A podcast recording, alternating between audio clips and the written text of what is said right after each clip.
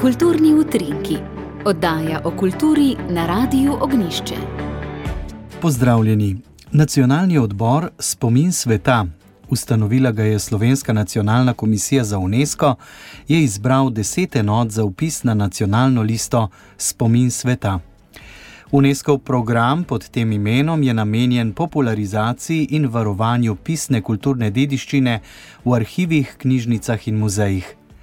Podelitev listin za upis na nacionalno listino je bila včeraj v Narodni in univerzitetni knjižnici. Odbor je pozval kulturne ustanove, ki hranijo pisno dediščino, da kandidirajo svoje najboljše in nacionalno najbolj prepoznavne enote dokumentarne dediščine za to nacionalno listo spomin sveta in do konca leta 2021 je prispelo skupaj 80 predlogov, no potrjenih je bilo, kot smo slišali, 10. Nacionalno prilagojen UNESCO program Spomin sveta so poimenovali Nacionalna lista, ta bo sestavljena iz več serij razglašenih enot, ki jih bo odbor razglasil vsako tretje leto. Prva serija izbranih predlogov pisne dediščine zajema deset enot, ki imajo svojo prepoznavno nacionalno pomembnost. In poglejmo, katere so te izbrane enote in ustanove. Najprej serija listin grofov celskih v arhivu Republike Slovenije, ki obsega 738 originalnih listin iz obdobja med letoma 1262 in 1456, predstavlja pa največjo sklenjeno skupino celskih listin. Zatem korespondenco Primoža Trubarja in drugih protestantskih piscev iz druge polovice 16. stoletja, tudi to hranijo v Arhivu Republike Slovenije, predstavlja pa pomemben vir za zgodovino slovenskega jezika, njegovega nastanka in prvih tiskanih knjig v našem jeziku. Ptujski mestni statut iz leta 1513 hranijo v zgodovinskem arhivu na Ptuju.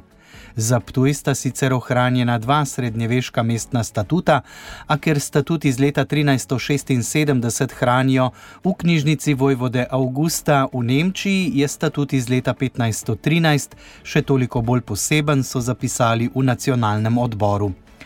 Zatem je tukaj stiški rokopis, nastal okoli leta 1428, ki ga hranijo v Narodni in univerzitetni knjižnici in je eden najpomembnejših slovenskih srednjeveških tekstov. Nastal je v cistercijanskem samostanu, obsega pa 247 papirnih folijev v latinščini in slovenščini. Zatem prešernjano, to so listine in rokopisi, povezani z največjim slovenskim pesnikom Francetom Prešernom, hranijo jih v Narodni in univerzitetni knjižnici ter v Narodnem muzeju Slovenije. V slednjem hranijo 22 dokumentov, zbirka v Nuku pa predstavlja eno najvidnejših slovenskih literarnih zapuščin in pomemben del nacionalne pisne kulturne dediščine. Zatem je tu knjižnica frančiškanskega samostana v Novem mestu. Med letoma 1469 in letom 1800 sodi med najstarejše knjižnice na slovenskem, ki se še vedno nahaja na primarni lokaciji. V njej je tudi 39 inkunabol in več srednjeveških rokopisnih kodeksov. Celoten knjižni fond obsega približno 20 tisoč enot in od tega približno 7 tisoč enot gradiva z izdano letnico pred 1800. Biblija Jurija Dalmatina iz leta 1584, ki jo hrani Javni gospodarski zavod za protokolarne storitve Republike Slovenije, grad Brdo, je verjetno edini izvod Dalmatinove Biblije, ki ga od izida hranijo na prvotni lokaciji. Do danes je sicer ohranjenih 78 izvirnih izvodov. Piranski kodeks De Summa Totius Orbis, nastajal med letoma 1524 in 1526, je delo kartografa Pietra Kopa in je najdragocenejši kartografski dokument, ki je hranjen na ozemlju Republike Slovenije, hranijo pa ga v Pomorskem muzeju Sergeja Mašere v Piranu. Na nacionalno listo spomin sveta je upisana tudi herbarijska knjiga Janeza Krstnika Fliserja iz leta 1696, ki je najstarejši herbarij na slovenskem, ima nacionalni pomen za rastlinsko dediščino na slovenskem in je danes hranjen v Prirodoslovnem muzeju Slovenije.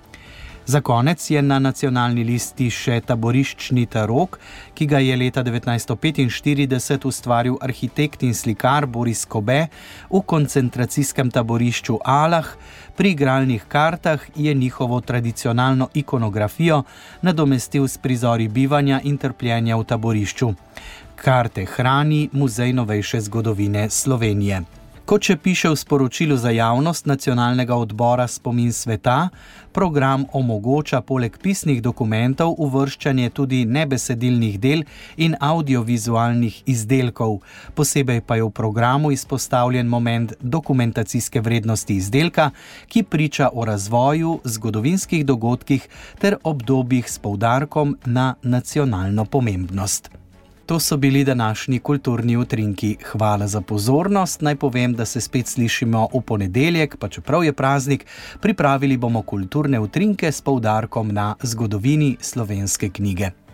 Lepo pozdravljeni, preživite lep konec tedna v ponedeljek, na praznik pa se spet slišimo. Z vami sem bil Jože Bartol.